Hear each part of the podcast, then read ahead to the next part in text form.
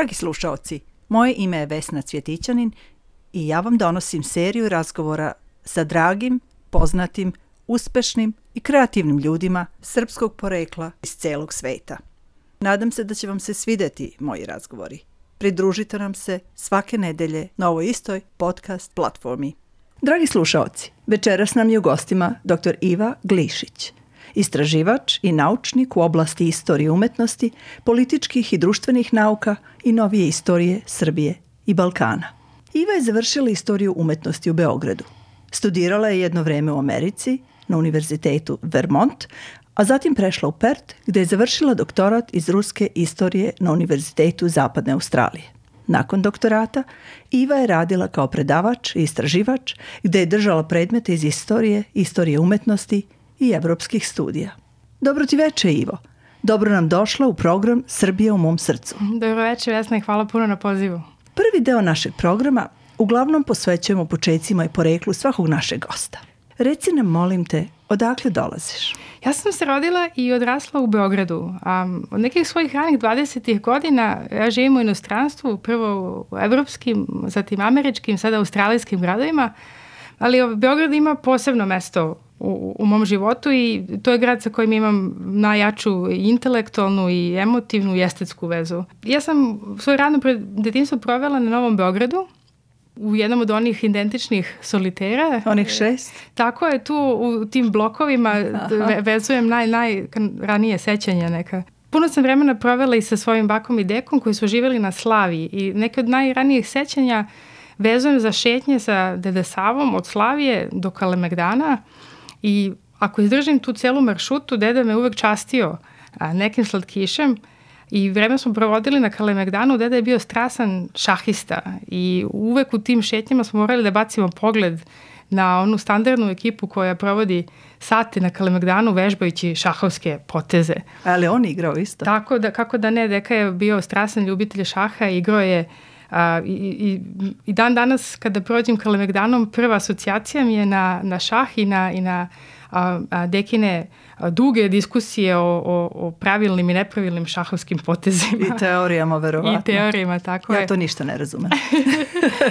um, ali po povratku sa tih šetnji i moja baka Olga nas je uvek čekala i sa nekim slatkišima. Baka je poreklom iz Banata i bila je a, majstor u pravljanju tih vojvođanskih slatkiša, od onih slatkih pita, dok ne sa višljama i, i, i, i šljivama i, i, i toga se i dan danas sećam i vezujem za taj, to najranije detinstvo.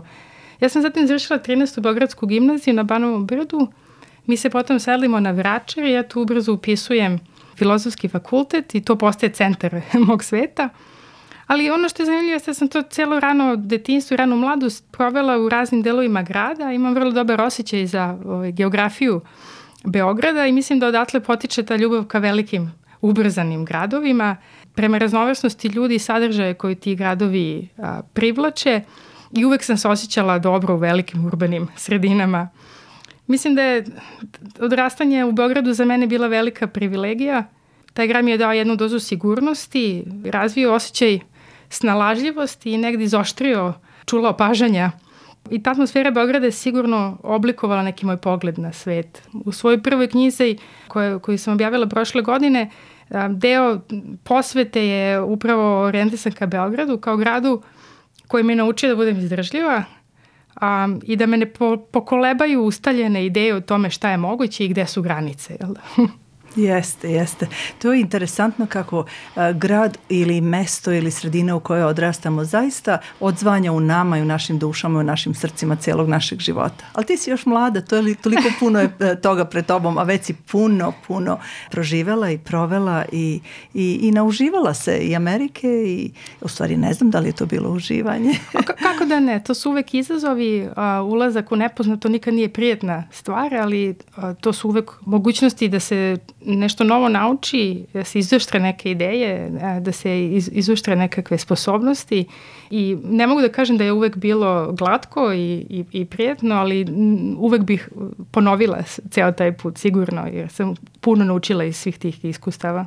mislim da to ima veze sa Srbijom, a u mom slučaju vrlo konkretno sa Beogradom i tim odrastanjem u vrlo jednoj dinamičnoj sredini i spremnosti da se uđe u rizik, da se istraži, da se ne posustane. Mislim da je to u mnogim, mnogim trenucima oblikovalo moj stav prema teškim situacijama i dozvolila mi da, da prođem kroz to s jednom upornošću, jel da? a reci nam, koga si ostavila u Beogradu? A, u Beogradu je moja a, mama a, trenutno i u Beogradu su moji prijatelji i jedan dobar deo mojeg rođaka sa mamine strane je i dalje u Beogradu. Tako da imam vrlo direktne veze i, i trudim se vrlo redovno da, da budem tamo i da ta daljina se ne osjeća toliko. Da te ne spreči da ostaneš tako na vezi. Tako je, da, da, da. E, svi mi to osjećamo, mm. svi koji živimo u ovoj dalekoj Australiji. Mm. Daleko je od svega zaista kad pomisliš. I, za nas da, za nas i, i verovatno je to ipak stvar percepcije, ali um, za ljude koji imaju koje privlače veliki gradovi, evropska kultura, taj osjećaj udaljenosti je sigurno negde prisutan za sve. da. Reci nam kako je došlo do toga da počneš da se zanimaš za istoriju umetnosti? Moje interesovanje za istoriju umetnosti je vezano direktno za a, moju porodicu. A, moja mama je a, lekar, otac je inženjer, međutim oboje su ogromni ljubitelji a, umetnosti, muzike, baleta, pozorišta i vizualne umetnosti I negde moje najranije uh, sećanje su vezane za, za te prostore gde su mi roditelji vodili, a, a pogotovo pozorište, mislim da je to jedno od najjačih um, uticaja. Sa druge strane, um, interes za istoriju umetnosti sigurno dolazi iz te atmosfere Beograda. Ja sam porasla u periodu 90-ih, 2000-ih, ranih 2000-ih godina.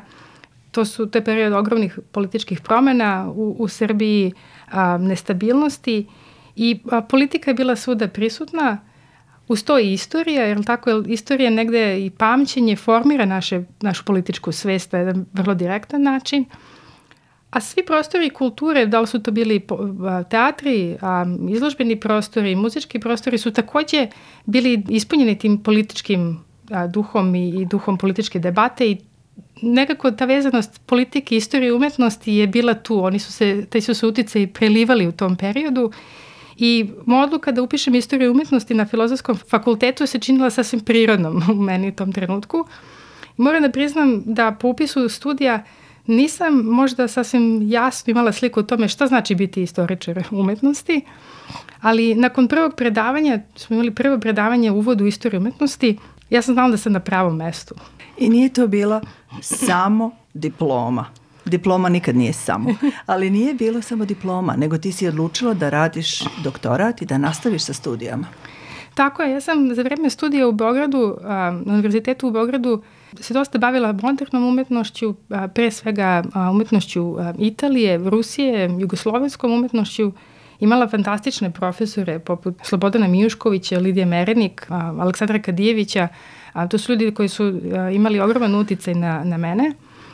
I to me negde pokrenulo da nastavim dalje studije i sticam okolnosti sam a, upisala doktorske studije, to je dobila priliku da studiram sa stipendijom na Univerzitetu Zapadne Australije i radim sa jednim od vodećih stručnjaka iz oblasti ruske istorije. A koji je bio centralni motiv? Ipak, ja znam da si govorila o toj političkoj povezanosti, političke te, tog naboja u kojem si odrastala uh -huh. u Beogradu u to vreme, kasne 90. znamo bombardovanje, znamo rane 2000. znamo ekonomsku krizu, sve, svi čitav taj kompleks jednih nekih događaja mm. koji su mm. se dešavali na, to, na tim prostorima, ali koji je bio onaj centralni eh, motiv koji te je vodio da nastaviš i da onda čak i nas, napustiš Srbiju da bi E, nastavila sa tim studijama da bi radila ta istraživanja? Motivacija negde dolazi sa tih perioda studiranja, sa uh, utice uh, tih fantastičnih profesora i želji da saznam šta je dalje i u, u principu šta može, na koji način može umetnost da interveniše u politički prostor. I to dolazi pre svega od sad tog iskustva na Univerzitetu u Beogradu i naravno tih okolnosti i polako počinju da se otvaraju prilike i taj put nekako dobije sam svoju, svoju formu. Iako sam uh, pravilno razumela, uh -huh. znači prvo si počela uh, sa istorijom Rusije i posle su te, e, ta čitava ta oblast je počela da se širi, da se grana u, u ostale slovenske narode ili recimo balkanske narode, je li tako? A jeste. Uh, moje prvo, ja sam diplomirala na odeljenju za modernu umetnost fokusirajući se na italijansku umetnost. Zatim sam prešla na rusku umetnost. Prosto postoji veza jedna između uticaja radikalnih umetničkih ideja koje su prešle iz Italije u Rusiju u, na početku 20. veka i ta veza mene počela da zanima u principu kako umetnost uh, provokativnih, progresivnih umetnika iz Italije prelazi u Rusiju i, i, i tamo dobije jedan skroz novi, novi oblik i počinje da se sliva sa radikalnom politikom u kontekstu Ruske revolucije 1917. godine. Odatle polako moj fokus počinje da se vraća ka Srbiji jer ja primećujem određene veze i kontakte između tih ideja i stvari koje počinju da se dešavaju na međuratnoj umetničkoj sceni Međuratno između prvog i drugog se tako, vrate, između tako to je prvog, taj period, ja? Jeste, to je period uh, Kraljevine Srba, Hrvata i Slovenaca, kasnije Kraljevine Jugoslavije i na koji način te radikalne umetničke ideje prelaze u Jugoslaviju i šta one znače u tom kontekstu, je tako? I šta znače narodu, je li tako? Tako je. Koji se zadesio sa svim tim. Pa jeste, mislim, možemo da pričamo malo o tome uh, o čemu se zapravo uh, sastoji taj prvi avangardni talas u, u Evropi. Umetnici zapravo pokušavaju da naprave jedan radikalan prekid sa prošlošću, da odbace sve tradicije i da naprave jednu, jednu, jedan čist prostor na kojem mogu da naprave umetnost koja odgovara 20. veku, jednu no, umetnost koja ima smisla u jednoj urbanoj sredini u sredini, u, u, u dobu tehnološkog e, razvoja, u dobu električnog osvetljenja, šta znači umetnost u tom modernom kontekstu. I počinju da se zanimaju tome kako odbaciti sve te tradicije, kako napraviti jedan novi početak, kako razoriti ustaljene hirarhije i kako osmisliti šta je umetnost i šta je umetnost, umetnik u društvu, u tom modernom društvu. I te ideje počinju, jel da iz Italije, u, u Rusiji dobije jedan novi oblik jer se spajaju sa radikalnom politikom koja u isto vreme traži da stvori jedan, u političkom smislu, jedan radikalno novi svet, svet koji odbacuje prethodnu istoriju, svet koji se rađa na novoj osnovi. Međutim, Jugoslavija tu isto, jugoslovenski umetnici u tog perioda takođe tu pronalaze vrlo zanimljive teme koje odgovaraju toj turbulentnoj situaciji međuretnog perioda. Ono što je zanimljivo, na primjer, da oni dobijaju ideje sa zapada, jel da, sa, um, iz, iz Nemačke, Francuske, Italije, te radikalne uh, umetničke ideje. Um, Jugoslavija nema kontakta sa Rusijom u tom periodu, ona prekida diplomatske odnose nakon oktobarske revolucije, tako da informacije iz Rusije dolaze neposredno preko Berlina i drugih centralnoevropskih gradova. I, I te ideje o, o tome što znači napraviti jedan novi početak i razoriti postojeće hierarhije da bi se moglo otvoriti jedno novo, novo stvaralačko, novi, novi način razmišljanja su vrlo primamljive umetnicima u tom trenutku, jer je tu pitanje kako stvoriti isto novi jugoslovenski identitet, identitet na kojoj osnovi napraviti ujedinjen modern identitet Južnih Slovena. A da su samo znali kako će kratak život da imaju sve te ideje. Ali dobro. Ivo, u pripremi za našu emisiju rekla si mi da si dosta radila na istoriji srpske avangardne umetnosti, o tome smo već i čuli mm. pomalo, o tome kako su radikalne umetničke ideje iz Evrope i Rusije uticale na formiranje međuna, međuratne jugoslovenske umetničke scene. Možeš li da nam kažeš kako je progresivna umetnost u tom periodu pomogla da se definiše šta je to jugoslovenstvo, jugoslovenski identitet i gde se nalazilo srpstvo u tom celom kontekstu? To je vrlo zanimljivo pitanje i jedno vrlo uh, um, komplikovana istorija, um, ali moj fokus u, u tom istraživanju je bio na jednom posebnom momentu dolaska tih ideja početkom 1920-ih u, u Zagreb i Beograd kao dva glavna, glavna centra, umetnička centra i vraćanje jednog posebnog umetničkog pokreta koji se zvao Zenitizam. Njega je vodio Ljubomir Micić, a, jedan a, fantastičan pesnik i a, spisatelj. Ono što je zanimljivo jeste da se e, zenitizam orijentiše kod ta dva pro problema, uh, to jest te dve ideje u okviru avangardne radikalne umetnosti. Un uništavanje prošlosti da bi se stvorila jedna e, nova površina koja može da se izgradi novi Budućnost. moderni identitet, tako je. I, I to je vrlo negde e, e, odjekuje u tom procesu jugo, stvaranja jugoslovenskog identiteta. Tu su se skupili narodi koji imaju vrlo različite istorije i ako bi izgubili tu istoriju, ako bi počeli od jednog novog početka, na tome može da se napravi jedan novi zajednički identitet i to je negde gde, gde se te dve ideje poklapaju. Sa druge strane, um, avangardna umetnost je uništila sve hirarhije u smislu uh, šta je lepo, da li akademija ima glavnu ulogu, da li galerije, da li umetnik. Znači te nekakve institucionalne i estetske kategorije su uništene u tom procesu um, avangardnog naboja. To je takođe odgovara toj ideji jugoslovenstva koja, jel da, gde Jugoslavija, o, se nalazi na teritoriji Balkana, koji dugo u toj evropskoj hierarhiji imao podređeno mesto, jel da, a, kulturne lideri su zapadne sile, zapadna kultura, dok je istok imao a, taj, taj, tu po, inferiornu poziciju. Međutim, ovde smo sada u prvu periodu nakon kraja Prvog svetskog rata, koji se smatra jednim moralnim kolapsom evropske kulture. I to je sada otvara mogućnost da jedna druga kultura, a to je ta zdrava, balkanska, inovativna, raznolika, dobije jednu novu ulogu u toj u porodici evropskih I to povezuješ kultura. isto sa tim del moga pitanja, verovatno, gde je uloga srpstva u svemu tome. I tako je. E, e, Ljubomir Micić, koji je lider tog, tog pokreta, on e, radi između Zagreba, zatim prelazi u Beograd i Beograd postaje centar tog novog talasa, da kažem, e, evropske kulture koja je bazirana na balkanskom a, modelu i koju on pokušava da promoviše kao duh koji će obnoviti i, i voditi novu Evropu jel da, u 20. vek.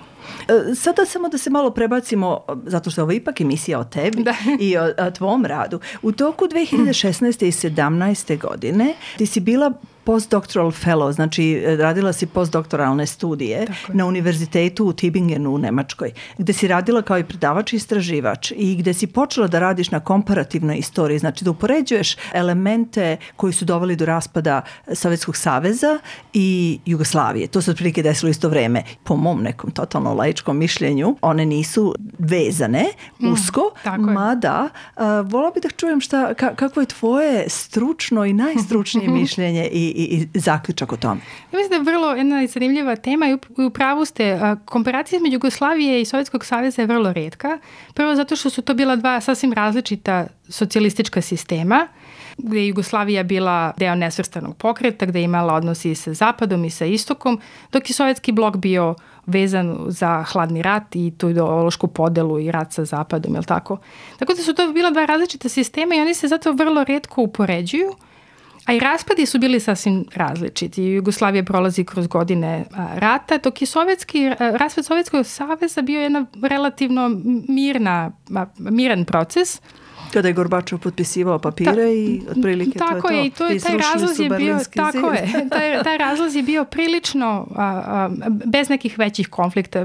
Na, naravno, ta je tako komplikovana istorija, tu ima puno detalja, ali u principu i sama a, istorija Jugoslavije i Sovjetskog saveza i raspad su bili vrlo drugačiji, tako da se oni redko dovode u, u, u te komparativne kontekste. Međutim, ono što vidimo od momenta raspada do danas, vrlo neke slične tokove u tome kako su se ta društva a, a, suočila sa traumom gubitka zemlje. I u, u tom radu i sa svojim studentima ja sam imala priliku da prođem kroz razne forme umetničke produkcije, bilo da je to film, pozorišne predstave, muzika, umetničke akcije, u, u Srbiji i u Rusiji nakon raspada, gde smo imali priliku da uporedimo kako ta umetnička produkcija oslikava prolazak kroz tu traumu i suočavanje sa gubitkom i šta to znači izgubiti zemlju. Mislim da je za neke studente to bilo vrlo emotivno iskustvo. U, u, na univerzitetu Tübingenu ima puno ljudi koji su a, iz bivše Jugoslavije, a, tako da je za to njih bilo prvo jedno novo iskustvo u, u tom smislu da tu istoriju oni možda ne znaju dovoljno dobro i da umetnost prosto samo po sebi je katarzična, tako i, i suočavanje sa tom istorijom kroz, kroz film ili kroz umetničko delo je prosto jedan onako drugačiji, drugačiji doživljaj doživljaj, da. tako je, je, ima i taj direktan um, uticaj. Tako da je i intelektualno bio izazov zato što je to nešto što na što prosto istraživači nisu obraćali dovoljno pažnje do sada, a i emotivno, je lako proći kroz tu, tu, to iskustvo i na taj jedan način kroz vizuru umetnika. Ti si u Kamberu došla 2018. godine i došla si da radiš na projektu Australijske akademije društvenih nauka koja se bavi budućnošću društvenih nauka u Australiji. Možeš li nam ukratko reći o čemu se radi? To je jedan projekat ja sam, na koji sam ja prešla da radim prošle godine baš u ovo, u ovo doba, tako da smo tek godinu dana u, u procesu razvoja tog projekta koji se bavi pitanjima šta je budućnost društvenih nauka u Australiji. Kao i svuda, trenutno u Australiji postoji veliki fokus na, na nauci i pre svega na primenjenoj nauci kao što su medicina ili inženjerstvo. A sve manje postoji podrška i, i investicije u društvene nauke i ovaj projekat pita, pokušava da razume koje je stanje društvenih nauka na fakultetima, kakav je kapacitet tog istraživačkog i predavačkog kadra i kako možemo osigurati da ljudi koji su u toj oblasti mogu da nastave sa tim radom i da osiguraju da buduće generacije imaju pristup tom, tom znanju.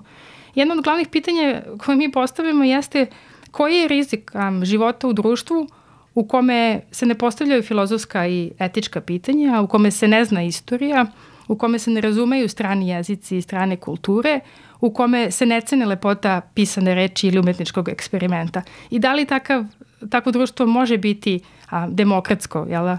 Znači, to, pokušavamo da prosto a, podignemo svest o tim pitanjima i a, ukažemo na centralnu ulogu koje društvene nauke imaju za život jedne, jedne zemlje. To zvuči izuzetno provokativno. Da li imaš kolege sa kojima radiš, mislim, pretpostavljam imaš kolege na, ovde na Australian National University, ANU, Pa, pa, tako je, tome, da. da, tako je. Naš tim se sastoji od stručnjaka iz um, glavnih australijskih uh, univerziteta i mi zajedno pokušavamo da, da na vrlo konkretnim pri, primjerima ukažemo da jedno bez drugog ne ide. Ako uzmemo za primjer recimo problem veštačke inteligencije, to je vrlo jedna popularna i važna tema i mi smo svi svesni prednosti koje takva tehnologija donosi, ali su takođe bitna pitanja da li se ta tehnologija može odvojiti od pitanja ko ima pristup takvoj tehnologiji, kome ili čemu ona služi i šta treba da uradimo da bi osigurali da se ta tehnologija ne zlopotrebljava. I to su pitanja koje, koje nisu za IT stručnjaka, to su pitanja za, za filozofe, za pravnike, za istoričare nauke. I za kraj, molim te reci nam kako provodiš vreme u Kamberi, čime se baviš u slobodno vreme i kako ti se dopada život u našem glavnom gradu? Meni se Kambera jako dopada, pre svega uh, ovo jeste mali grad, ali je, je ipak glavni grad i samim tim je centar vrlo važnih kulturnih institucija i velikih univerziteta, uključujući Australijski državni univerzitet koji je jedna od vodećih um, institucija visokog obrazovanja u zemlji. I samim tim postoji jedan kulturni sadržaj koji je vrlo bogat i, i koji je smatra da je ogromna prednost Kambere. Meni se takođe dopada i geografija grada sa tim jezerom koji ima centralno mesto, i okolnim brdima i o, ja se trudim bar jednom nedeljno da obiđem jedan krug i, i mi to pokušavamo da uradimo nedeljom a, i onda na putu ka kući svratimo u Kingston Market, a, to, su, to je jedan a, a, pazar jel da, na, u jednom starom a, autobuskom depovu a, gde, moram da priznam, se častimo ovaj, burekom sa sirom, a ovaj, u ovim hladnim danima i kuvanim vinom. Hvala ti puno. Moje ime je Vesna Cvjetićanin. Čućemo se sledećeg utorka. Doviđenja.